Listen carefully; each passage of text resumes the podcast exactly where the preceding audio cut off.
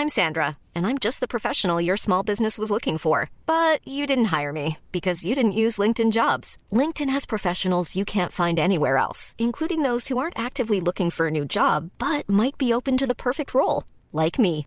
In a given month, over 70% of LinkedIn users don't visit other leading job sites. So if you're not looking on LinkedIn, you'll miss out on great candidates like Sandra. Start hiring professionals like a professional. Post your free job on linkedin.com/people today. Hey, it's Danny Pellegrino from Everything Iconic. Ready to upgrade your style game without blowing your budget? Check out Quince. They've got all the good stuff, shirts and polos, activewear and fine leather goods, all at 50 to 80% less than other high-end brands. And the best part? They're all about safe, ethical and responsible manufacturing. Get that luxury vibe without the luxury price tag. Hit up quince.com slash upgrade for free shipping and 365 day returns on your next order. That's quince.com slash upgrade.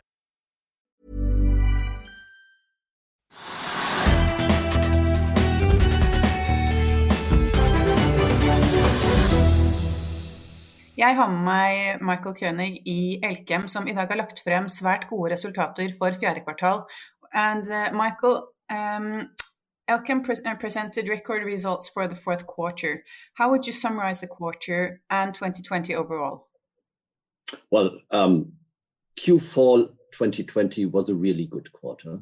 Um, and we have really seen that now the work that we did in 2020 um, really has resulted in tangible progress, and that was supported by good market sentiment. So Q4 was good. Overall, the year 2020 um, has suffered a lot from the coronavirus uh, crisis. But if I now look at the year 2020 overall, um, it is actually a year which is as good as 2019. Like other companies, 2020 has been a difficult year in many ways for Elkem as well, in different areas of the world. Maybe you can explain a bit about that.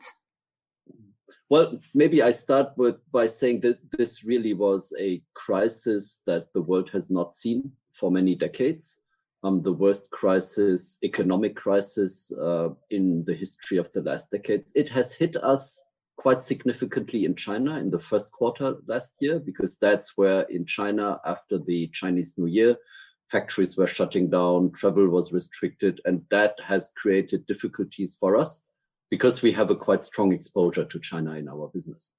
Then in the second and third quarter, um, we have been hit quite hard in Europe and in the United States uh, because of the lockdowns, because of reduced consumption, because of reduced industrial production. Automotive was going to record lows, and, and that had a strong negative impact on our business, mitigated at that time a little bit um, by the improved business in China. But then in the fourth quarter, it all came together. We had good market sentiment, we had good preparation on our side with regard to cost reduction, with regard to ca- capacity preparedness, with regard to operational excellence. And that has created a very, very good fourth quarter and makes the year 2020 in the end not really a good year, but still an okay year. And we are very happy and a bit proud on that result. And how are the expectations for 2021? Well, we, we have seen very positive developments in Q4, as I just said, and those positive trends seem to continue. So we are seeing that uh, demand is still very strong in some areas, probably even increasing. We see that pricing in some parts of the world, China, DMC, which is a bit of a mood factor for us for silicon's pricing, looks very stable on an attractive level. We see some pricing upstream for silicon products still increasing, and we have a bit of a lag in when higher prices also reflect into our contracts. So all in all, we are quite confident um, about Q1 with regard to market sentiment, but also with regard to our own performance. We will have Chinese New Year, like every year in, in February. We will have a short February, um, but still we see a continuation, at least, of the very positive trends we have seen in Q4. It will be a little bit more difficult to predict the rest of the year simply because we still look at this uncertainty that comes from the question how does the world find its exit from the virus crisis? But how um, how exposed are you to the vaccines? I mean, if the uh, vaccination gets through, what will that have? Uh, what impact will that have on your results? Well, we, we have a very indirect exposure to that um, because the products that we deliver they go into automotive, they go into construction, they go into personal care, and these are products that people consume in general more when the economy is going well.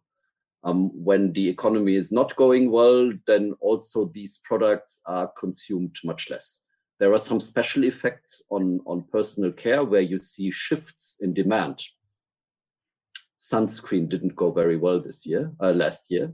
Um, but by and large, we are depending indirectly from a good and well functioning economy. That's why if we now see automotive sales going up, Elkem's products are in it and we benefit from it.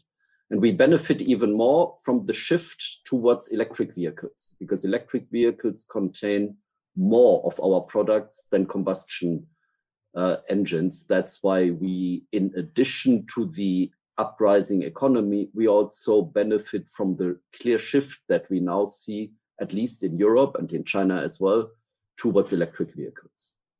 Another very important industry for us is construction, and also that depends on how well does the economy go in general. So, what will be the um, the key focus for 2021? Our key focus for 21 is good, efficient operations with operational excellence is continuing on finding specialized applications and specialized products. And we have made a lot of progress in 2020 with several smaller investments in, in that regard. And continue to focus on our sustainability related activities, where we focus on reducing our carbon footprint, where we focus on battery materials to create new green uh, products that help the energy transformation in Europe. You talked a bit about construction and electric uh, vehicles, but what will be which divisions will be the most important for you this year? Well, of course, all our divisions are important, and all divisions uh, have in Q4 and continue to contribute a lot um, to the success of Elkem. But there are differences in silicones we clearly see growth potential in Asia, in particular in China, and that's where we have the biggest exposure to China. And we benefit a lot from the electric vehicle penetration in China and in Europe, um, plus personal care and other industries that we are developing there. In silicon products, we also benefit from the general increase in automotive production um, through steel, through ferroalloys, and all the materials that go into cars.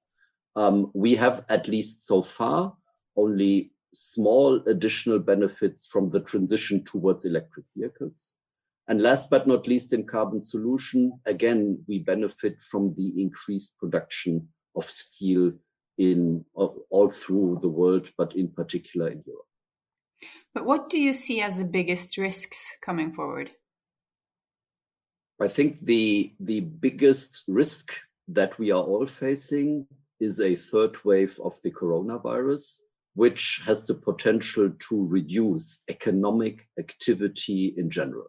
And, and as I said earlier, if economic activity is reduced, then also the products that use um, Elkem's silicones and silicon metal, also these products will uh, will be reduced. So that that is the the overriding risk for this year.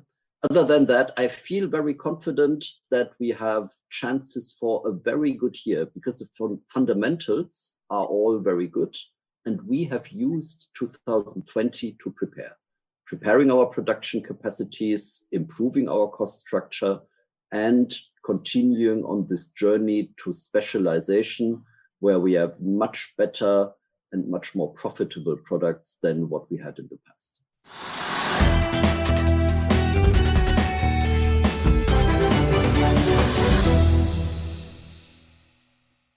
Økonominyhetene er en podkast fra Finansavisen. Programledere er Marius Lorentzen, Stein Ove Haugen og Benedikte Storm Bamvik. Produsenter er Lars Brenden Skram og Bashar Johar. Og ansvarlig redaktør er Trygve Hegnar.